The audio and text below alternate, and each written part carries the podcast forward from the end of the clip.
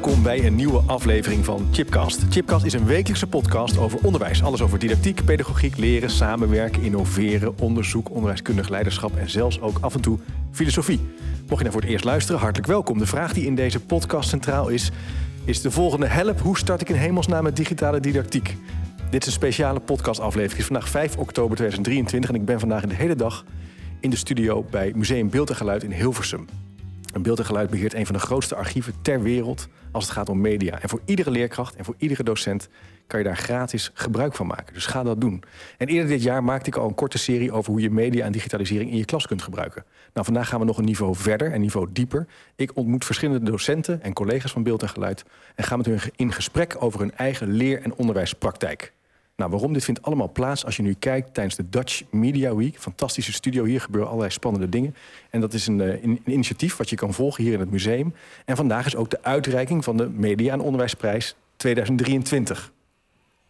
Een initiatief van Beeld en Geluid en Lesson Up. Nou, wat kan je verwachten? is een podcastaflevering vol met inspiratie, praktische tips en suggesties... hoe je je lessen kunt verrijken en kunt verbeteren. Nou, die vraag daar ga ik het over hebben met Denise Brilman aan mijn rechterzijde. Hoi Denise. Hallo. Jij bent educatief technoloog, docent bij het ROC van Twente, bij het EduLab. Yes. Ben ik ooit een keer bij op bezoek geweest. Fantastische plek. Hele mooie uh, omgeving ook, hè, waar jullie uh, werken. Een hele inspirerende omgeving. Inspirerende ook. omgeving. Uh, maar ook winnaar van een eerdere editie van de Media- en Onderwijsprijs van Beeld en Geluid... met de Minecraft Menselijk Lichaam Escape Room. Ook nog. Heb je een keer een podcast over opgenomen. Ook nog. Superleuk. Um, nou ja, je houdt je bezig uh, om ja, lessen te... Ja, je maakt makeovers hè, van lessen. Ja. Leuker maken, efficiënter, makkelijker. Dus we zijn het goede adres bij jou. Nou, aan mijn linkerzijde, helemaal aan de uiterste zijde... zit Pallas, Pallas Linsen van der Doorn, docent beeldende vorming... aan de Nassau in Breda. Ja, dat klopt. Hallo. Leuk dat je bent. Scholengemeenschap, MAVO, HAVO en VWO. Ja. En ook een van de winnaars, hè? Eerder. Ja, uh, twee jaar geleden. Ja. ja. En hoe is het? Voelt het als heel lang geleden? Ja, ben tussentijds gereisd geworden.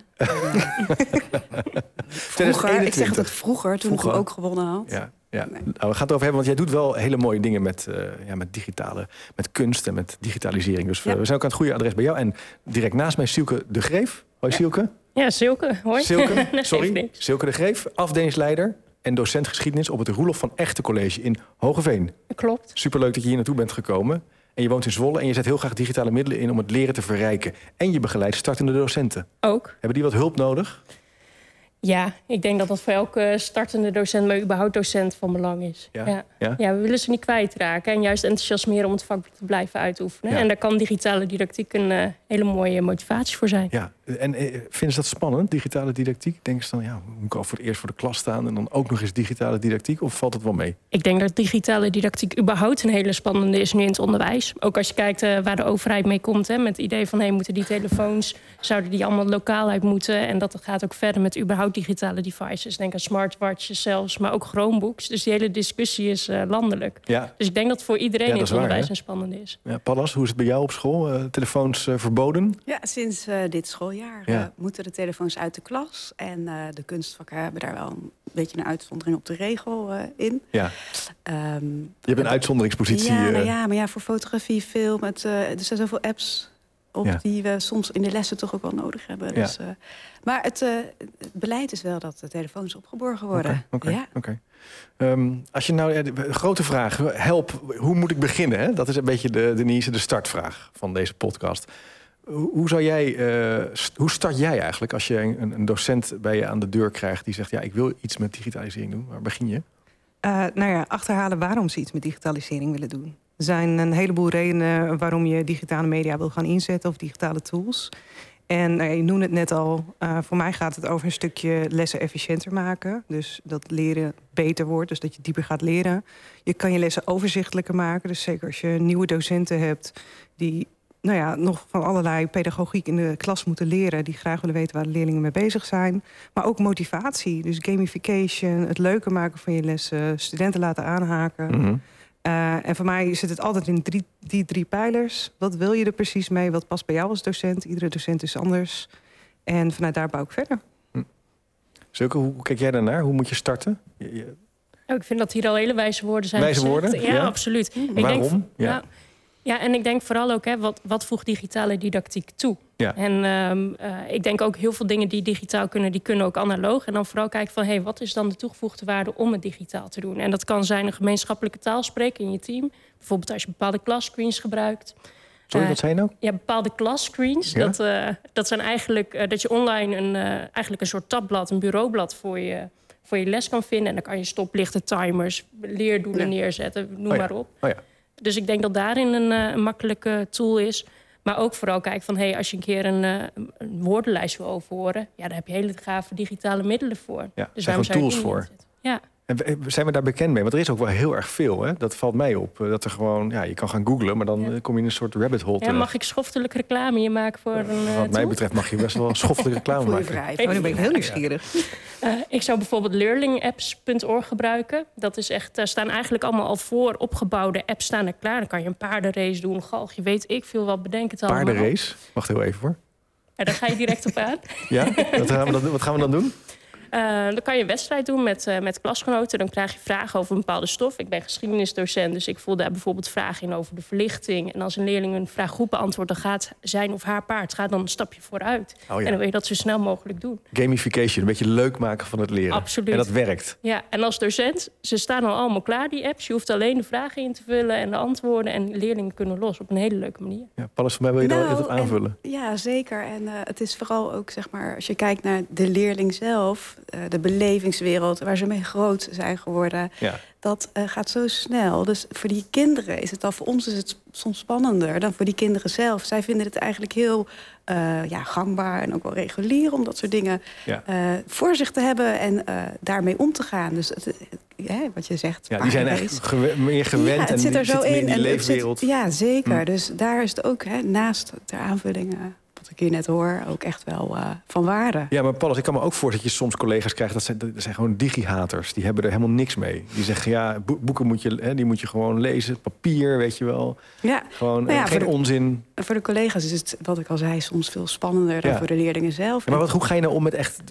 Dus spannend, maar echt naar weerstand. Die zeggen, die zeggen van, nou, ik vind dit gewoon helemaal niks. Hoe, hoe, hoe ga je zo'n gesprek dan aan? Ja, nou ja, we maken het natuurlijk mee. Hè. Ehm, ik probeer het vooral ook inzichtelijk te maken. Dus ook echt wel te laten zien. Dus letterlijk op het eh, scherm. En ook eh, wat, de- wat heel erg helpt, is ook om eh, te laten zien wat de leerlingen zelf zien. Want soms is dat nog anders dan voor de docent die bijvoorbeeld iets klaarzet. Of eh, hè, voorbereidt. Dat kan dan met- met een app zijn of met een programma. Of gewoon een digitale les waarin ze 3D werken. Oh ja. Ehm, het helpt heel erg om te laten zien, gewoon visueel dus, wat die leerlingen zelf op hun scherm krijgen, zodat ze daar echt op kunnen anticiperen en dat het ook eigenlijk minder spannend wordt. Dus Kan je een voorbeeld daarvan geven? Want er is een groot verschil tussen dus wat een docent denkt... wat, wat hij of zij maakt... en wat een ja, student, digitaal, leerling ja. zelf ziet. Ja, dat is eh, niet altijd zo, maar wel bij heel veel dingen wel. Omdat jij namelijk moet aansturen, hè? Ja. een groep eh, met kinderen. Ja. En ehm, eh, Heb je voorbeeld? Ja, nou ja, bijvoorbeeld eh, eh, een digitaal programma Tinkercad, dat doen we dan eh, 3D inbouwen. Dat ziet er voor een eh, docent anders uit, want jij bent beheerder van een groep, je nodigt die leerlingen uit. Het is allemaal super simpel en toegankelijk. Ja. Het vraagt wel handelingen en eh, dat, eh, dat is een voorbeeld dat de, de werkomgeving, dus achter het scherm, er anders uitziet dan de omgeving die een leerling dus, die krijgt alleen maar een linkje, uitnodiging aan te klikken. Ja, ander, Dus is een dat maakt het al. Ja, en op het moment dat een collega die wat weerstand voelt, dat ziet, of hè, het inzichtelijk wordt dat het eigenlijk super makkelijk is, dus Ja. goed te doen is, Ja. ja, dan over het algemeen eh, gaan ze dan ook wat makkelijker mee. Paulus, ik heb het idee dat je wat ver van de microfoon af zit. Ga je toch even... Sorry. Nee, is niet erg, maar ik durf je wel even bij te sturen. Ja, ja, maar dat zijn goede, je geeft wel een paar goede tips. Hè. Dus het waarom centraal proberen te stellen. Niet te veel over te praten, maar ga naar de plek waar het gebeurt. Laat wat zien. Ja. En maak ook verschil tussen wat een leerling of een eh, eh, scholier ziet... ten opzichte van wat jij ziet. Heb jij nog een tip? Nou ja, ik, ik haak sowieso aan bij Pallas. Want ik denk, laat die docenten maar eens in de stoel van de leerlingen zitten. Dat is ook hoe ik workshops geef. Ik laat ze gewoon lekker de kant zien. Mogen ze zelf even in de schoolbanken. Eh, wij werken heel erg vanuit een sense of urgency. Dus waarom, heel, nou ja, eh, wat we net wat- ook zeiden, waarom zou je willen.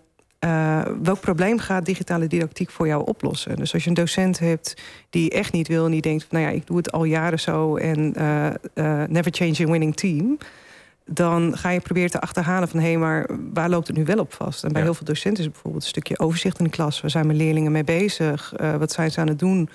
Eh, ze, weten, ze weten niet hoe ze hun werk moeten inleveren. Klassenmanagement. Ja, klassenmanagement. Het oude, traditionele klassenmanagement ook... komt er, als je het niet helemaal weet, toch wel een beetje mee in het ja, ding. Daar kan je ook digitalisering bij inzetten. Zeker. Overzicht bij het leerproces, formatief handelen kan je daarbij uh, aan koppelen. Ja, er zijn een heleboel tools waarin je direct feedback van leerlingen kunt krijgen... Uh, of ze het lesstof begrepen hebben... of waar je kan zien als ze met een lang project aan de slag zijn... waar mhm. ze zijn. Mm Ze kunnen digitaal om hulp vragen... Uh, zodat je echt kan richten op de leerlingen die de hulp nodig hebben. Dus differentiëren. Er is heel veel wat technologie kan brengen... wat heel veel docenten niet zien... omdat ze niet specifiek in die wereld zitten. En omdat ze het ook niet weten dus. Ja. Ik heb ooit eens een keer een onderzoek gelezen... dat docenten die van zichzelf zeggen dat ze heel goed lesgeven... meestal niet zo heel goed lesgeven. Dus dat er ook iets is van uh, een soort spannende spanning die je moet opzoeken... om ze toch te laten reflecteren op hun eigen kwaliteit van een lesvoorbereiding... of een lesevaluatie of de les zelf. Zeker. En heel, heel weinig docenten bezoeken elkaar ook in de les. Ja. Uh, iets wat in het bedrijfsleven heel normaal is om met elkaar mee te kijken... gebeurt in het onderwijs eigenlijk helemaal niet zoveel. Gelukkig wel steeds vaker. Maar Gelukkig wel steeds vaker. Maar ja, ik ken het zeker hoor. ja, maar, maar dat is ook de tip die ik er meteen achteraan wil gooien. Ga vooral bij je collega's kijken in de klas. Als er iemand is die wel die digitale middelen gebruikt... ga gewoon eens zitten en kijken. En uh, kijk eens wat het voor een effect heeft op de klas. Je hoeft er niet meteen wat mee te doen. Bij elkaar kijken? Doe je dat ook? Uh, ja, maar ik denk zeker dat het meer kan. Ik denk dat het vooral in de school normaal moet worden. Dat ja. vind ik belangrijk. Waar, ik nog wel op aanslaan, we hebben het nu al erg over eigenlijk ook docenten die duiken. Um, en hoe we dat kunnen voorkomen. Maar ergens is het ook, die tijd is ook een beetje voorbij. Want er ligt nu ook echt een, op, ja, een opdracht vanuit het ministerie en vanuit de inspectie dat scholen allemaal daar aandacht aan moeten besteden aan digitale geletterdheid en digitalisering. Dus we ontkomen ja. er ook niet meer aan. Dat is natuurlijk wel waar, maar het is ook, wij zijn ook heel echt Nederland. We, hebben allerlei, we maken allerlei afspraken die we vervolgens weer niet helemaal gaan doen natuurlijk. Dus, we, dus hier moeten we, we hebben wat meer nodig. Maar jij zegt, jouw punt is, het is ook vastgesteld nu. We moeten hier echt wat mee. Absoluut. Je kan niet meer zeggen, ach, uh, laat mij maar. Ja, ja, ja. ja. En maar hoe, wat voor gesprekken moet je dan met elkaar voeren? Nou, ik denk vooral hoe willen wij dit vormgeven en hoe wordt het efficiënt? En dan, en dan met elkaar daar een gezamenlijke ambitie in formuleren en ja. dan daarmee aan de slag gaan. Ja. Hebben jullie op je, op je school ook uh, ja, karttrekkers? Hoe organiseer je dat? Per, doe je dat per sectie of per, ja, hoe pak je dat dan aan? Je moet het ook organiseren uiteindelijk. Ja, ik denk dat het heel erg per school verschilt en begint altijd met enthousiastelingen. Ja. En ik hoop altijd dat die enthousiastelingen onder de docent zitten... en dat die gaan opstaan en, uh, en de anderen willen meenemen. En dat je dan gewoon een, uh, een uitwisseling doet met wat werkt bij mij. Hey, hoe kan jij dat vormgeven naar je eigen les? En dan vooral kijken van hey, wat zijn kleine stapjes die we makkelijk kunnen integreren. Mm -hmm. ja.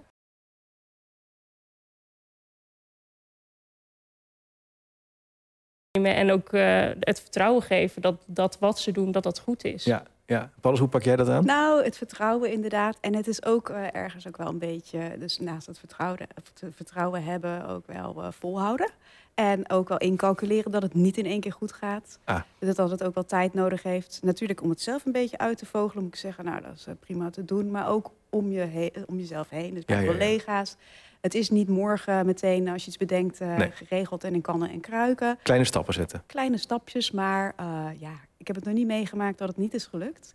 Uh, dus ook al een beetje doorzetten, volhouden. Hoe ben, jij, hoe ben jij daarmee aan de gang gegaan? Ben je ook klein begonnen met, jou, met jouw experiment, met je ideeën? Nou, ik heb wel zeker. En ik heb ook wel een beetje om me heen gekeken uh, of er collega's zijn waar ik gewoon, zonder dat we nog iets hadden gedaan, dus echt een aantal jaren terug, uh, waar ik een beetje aansluiting mee had. En die, dat we het samen ook wel bepaald met dat 3D-printen en die opzet daarvan. Dus heb ik echt wel gezocht naar uh, ja, medestanders. Ja. Nou, die heb ik wel gevonden. En uh, toen is dat wel dat balletje gaan rollen. Dus Ja. ik heb wel dat zeker wel alleen ook wel in eerste instantie bedacht dat het zinvol is voor de lessen. En daaromheen Ja. vanuit de ICT-afdeling ook een hele belangrijke, als een school dat heeft, om die uh, dichtbij te betrekken, houden. goede tip. Dichtbij te houden, ja. Want Nodig ze uit. ik, ken, ik heb echt niet overal uh, verstand van, maar ik kan dat wel. al- Nee, ja, ik, ja, ja. En dat 3D, die 3D-printen ging in, misschien, in het begin misschien ook niet direct helemaal goed. Je bent gewoon klein begonnen. En het- zeker niet in één Nee? keer goed. Nee, nee. wat, zijn de, wat zijn fouten die je hebt gemaakt? Ja, nou op heel veel onderdelen, want het is best een proces. En je moet het, kijk, als je het in je eentje doet, dan kan het op heel veel vlakken misgaan. Maar je doet het dus met 30 Ja. kinderen. Ja, Dus ja, je even in je in achterhoofd het houden. model. Nee, ja, dat, nou ja, dat is het Ja. ook meteen. Nee, je doet het niet keer één, maar keer 30. Hè? En dan moet je dan ook nog aansturen. Ja. Maar eh, in het model of in het ehm, exporteren van bestanden, in het uitwerken, de printer zelf en de opbouw daaromheen. En ook de tijd die het uiteindelijk vraagt. Dat is toch wel een inschattingsding geweest. Ja, Dat we ja. steeds ook gingen aanpassen. Dus eigenlijk onderwel, dus gedurende het proces nu met de VR en eh, AI, ook een nieuw hologram hebben we. Dus dat worden ook allemaal, eh, ja, daar zijn we mee bezig, zijn we aan het ontwikkelen. En eh, we weten echt wel dat die dingen gaan gebeuren, maar we weten tegelijkertijd ook dat het trial and error Ja. is. Dus een cyclisch ontwerpproces. hè? Dus Ja. je hebt wel die waterval, klassieke watervalmethode... dat je gewoon heel lang gaat doen. Dan moet het helemaal perfect zijn. Zeg je, nee, dat moet je eigenlijk niet doen. Je moet gewoon uitproberen, reflecteren. Steeds een beetje groter, ervaringen opdoen. Een aantal tools gebruiken die de kans op succes goed maken... en medestanders betrekken en organiseren. En als je daar rekening mee houdt, dan eh, is dat eigenlijk goed te doen. Ja, zeker niet bang zijn om te falen. Gewoon eh, proberen en ook leunen op eh mede-collega's die, eh, die wel durven, die met je mee durven te kijken. Eh, alle begin is moeilijk, zeker als je heel veel informatie moet binnenhalen om aan een project te beginnen. Nou, en dan hebben we het over 3D-printen, dan eh, eh, zijn er wat dingetjes die je moet weten. Maar als je dat met een collega doet eh, en je kan daar samen aan werken, dan heb je iemand om op te steunen. Ja, En ik zorg dat denk je dat samen bent. Ja, samen en zorg dat je niet de enige bent eh, die aan het experimenteren gaat. Want nou ja, bij alle evaluaties je leert het meest als je feedback krijgt. Ja, precies. Je moet wel dus wat feedback organiseren. Ja. Dus, dus doe het samen. Maar jij maakt, je doet echt makeovers. Ja. Het heeft een beetje zoals die tv-programma's. Hè? Dat ze Ja. in zo'n dag... Vind je niet? Ja. Dat was het idee ook een Op beetje. een, op een manier vind ik het ook wel passen bij jou qua energie. Van mij ga je ook gewoon meteen eh, echt er tegenaan dan, of niet? Ja, het is onwijs leuk. Het is echt het leukste onderdeel van mijn werk. Eh, docenten die, die, die komen bij mij voor een intake. En binnen een uur ga ik een oplossing verzinnen voor hun leervraag. En dat kan echt van alles zijn. Dat kan virtual reality zijn. Maar wat kan je een voorbeeld geven? Wat, wat, waarmee komen ze aan tafel? Eh, nou, ik heb toevallig, gisteren sprak ik iemand en die wil heel graag gespreksvaardigheden oefenen met haar leerlingen. En eh, ze zeggen dat doen we eigenlijk helemaal niet meer in het onderwijs. En dit is iets wat deze doelgroep niet heel erg goed in is. Mhm. Eh, als ze telefoongesprekken kunnen vermijden, dan doen ze dat. En we hebben besloten om dat eh, om te zetten in een app die heet Seppo. Daar kun je een les mee gamificeren. Maar de- daar kun je dus ook audiofragmenten in opnemen. En dat betekent dat we een soort van gesprekcyclus maken... waarin ze keuzes kunnen maken hoe ze dat gesprek beantwoorden. Eh, dat moeten ze ook opnemen. En afhankelijk van de keuze die ze dan maken... speelt er een ander script af. Dus dan wordt de bellen, maar die de telefoon heel ongeduldig... of eh, die is heel begripvol ineens, of die wordt super boos... En eh, op die manier krijgen ze eigenlijk direct feedback eh, op hun belvaardigheden en de keuzes die ze maken. Grappig. En, dat zou je eh, normaal gewoon in de klas dan doen misschien? In een soort hoor, ja, dan zou je zo'n rollenspel, dan zet je tegenover elkaar... en dan zitten ze elkaar heel ongemakkelijk aan te kijken... Ja, en dan gaan ze een deel van het script lezen. En, Oh, ja. eh, En nu is het een app die eigenlijk een beetje voor jou nadenkt... en die je steeds beter kan maken met de studenten of leerlingen om wie het gaat. En dan eh, gaan we ChatGPT boze eh, mensen aan de telefoon eh, genereren... want daar is die heel goed in. Je gaat met ChatGPT boze mensen genereren. Ja, ja dus we gaan kan een... je me even helpen? Hoe doe je dat dan? Nou, je, je vraagt aan ChatGPT om te reageren op. dus de student kan een keuze maken in hoe beantwoord ik dit gesprek. En uit die opties laat je ChatGPT reageren in een bepaalde emotie. Dus je kan gewoon de opdracht geven van nou, reageer nu heel erg boos, eh, want je wil dit en dit en dit. Jullie knikken allemaal ja alsof het heel Ja. normaal is. Ik vind het helemaal niet normaal, maar oké. Ik Je kan het gewoon vragen. had gewoon vragen. Oké, Silke, doe je dat ook met ChatGPT? Nou, ik vind niet zoveel. Niet zoveel als, Nee. als je net hoorde. Nou, nee, ik, ik geef geschiedenis. En wat nu een trend is in geschiedenisland, is dat je eh, bijvoorbeeld Napoleon, dat je die eh, gaat interviewen via ChatGPT. En ik heb daar zelf wat, wat moeite mee. Dus, Ja? eh, dat is, Vertel eens, waar- waar- waarom heb je daar moeite mee? Dat is interessant. nou, ik vind dat geschiedenis ook gaat over een stukje moraal. En dan is eigenlijk waarom ik er moeite mee heb van, hey, moet je iemand die al eeuwen overleden Ja, is, laat die moet je die- ja, precies, moeten we die nu uit zijn graf trommelen en, eh, en in een computer stoppen? Ja, ja, ja. ja, ja, ja, ja. En, en, misschien, eh, onderwijskundig kan je er ook nog wel wat over zeggen. Want in hoeverre doet dat ook wat? Ja, behalve misschien dat het een spannende... Ja, maar je- het is ook niet visueel, toch, ChatGPT? Jawel, je hebt Nee. ook... eh, Oké, ik hoor het al. Je hebt ook een beeldbank. Maar dat slaat aan. ja. zeker. Ja, ja, ja. Maar dat past dus weer niet bij jou. Maar wat past bij jou dan, Silke? Wat vind jij leuk om te doen? Of wat, waar- waarvan zeg jij, dat vind ik echt wel didactisch interessant. Dat werkt bij mij. Waar ik helemaal op aanga is als je eh, digitaal hele grote datasets hebt uit de archieven.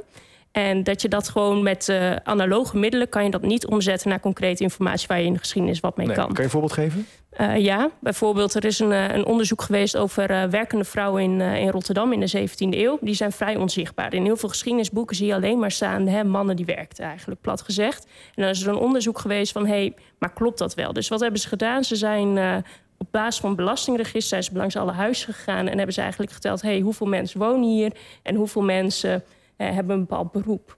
En dan zie je dat sommige mannen hebben opgegeven dat ze en in een kousenwinkel werken en in een herberg. Hé, hey, dat klopt niet. Aha.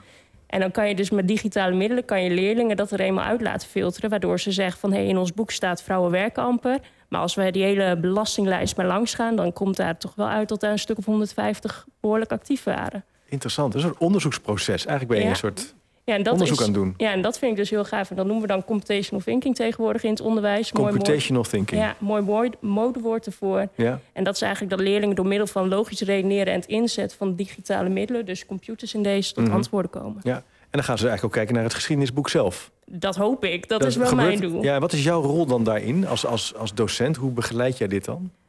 Nou, aanleren. Hè, hoe werkt een Excel? Hoe moet je een dataset interpreteren? En wat moet je laten doen om tot hè, uitkomsten te komen? Dus daarin ben je eigenlijk ook een soort ICT-docent.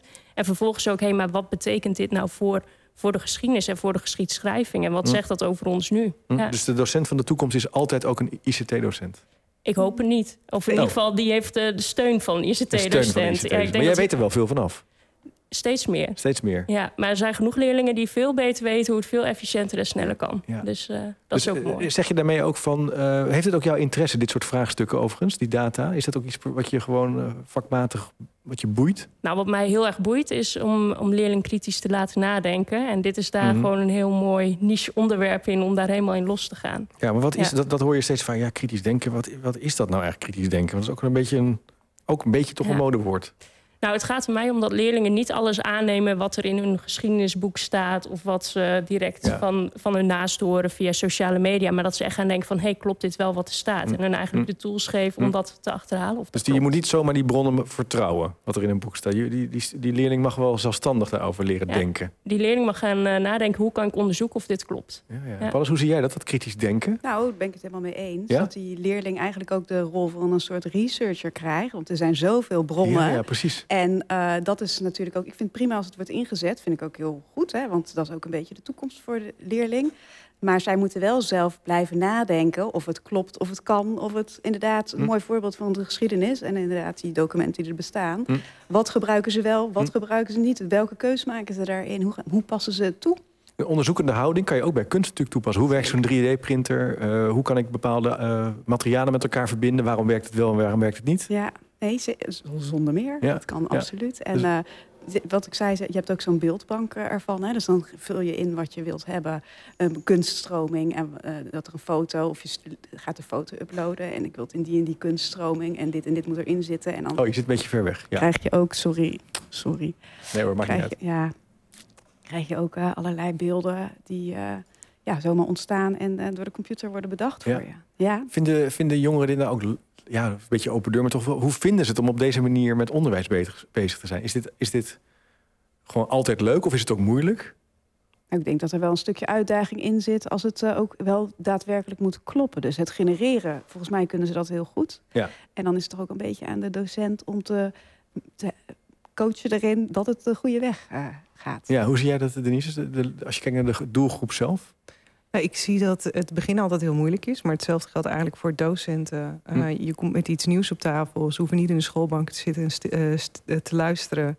Eh, maar je brengt iets nieuws naar de tafel en dat, dat kost energie. Want ze Ja. moeten ineens input leveren in de les. Nou, Ja. hopelijk zijn ze dat wel een beetje gewend. Het is geen routine, dus Nee. brein moet even aan. en dat, dat vinden ze moeilijk. En ik merk dat bij heel veel tools die ik gebruik, dat de eerste keer is het nou, puffen, steunen, zuchten.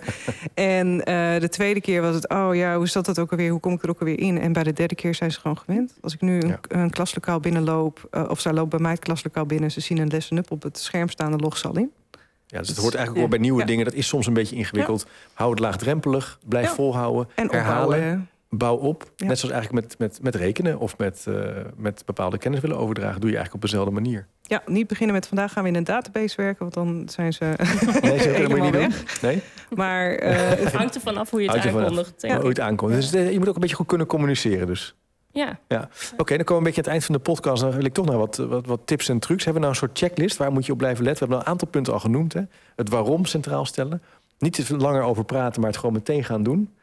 Eh, echte actualiteit gebruiken. Ze zelfstandig en kritisch laten nadenken. Eh, klein beginnen, dat is ook een mooi voorbeeld. Hè? Probeer het klein laagdrempelig te houden. En kijk inderdaad om je heen. Kijk om je heen. mee wil. Medestanders, Ja, ook een goede. Ja, zeker. ja, begin alsjeblieft niet op, op nul. Eh, eh, ga desnoods van je professionaliseringsbudget Ja? een training doen. Of vraag een collega bij jou op school of je Oh, mee ja. mag kijken. Goed idee. Kaap dat budget. Ja, gewoon, gewoon geluid. binnenharken en zeggen... ik wil iets uitproberen. gewoon lekker experimenteren. Dus de wijsheid zit in het doen. Je moet het wel uitproberen. Absoluut. Leuk zeg. Nou, uh, ontzettend interessant. We hebben een aantal leuke uh, tips, Seppo en andere uh, apps en ja, ik kan een hele rij opnoemen, maar dat ga ik niet doen. Gaan we, nou, we, laten, we, afspreken dat we er nog even een paar in de speaker notes zetten. Dus als je nu luistert en uh, de aanmoediging is, dan ga er gewoon eens naar kijken. Probeer eens iets uit. Laat het ons weten. Vind ik altijd wel leuk. Via chipcast.nl kan je ook altijd een voicemailberichtje achterlaten... als je iets hebt uitgeprobeerd en wat is mislukt of is gelukt. Vind ik altijd wel leuk om te horen. Uh, dankjewel voor het leuke gesprek en de, de rijke input. Wat mij betreft... Heel erg nieuwsgierig hoe de aankomende jaren gaan worden. En je moet geen ICT'er worden, maar je moet, er wel, je moet het wel goed organiseren... dat je daar met passie en drive werk van kan maken. Um, veel dank ook aan de ondersteuning van Beeld en Geluid deze dag. Check zeker ook even www.beeldengeluid.nl als je zelf aan de slag wil gaan. Want het is voor iedereen openbaar. Dat is gewoon hartstikke leuk. En ik zou zeggen bedankt voor het luisteren en tot de volgende keer.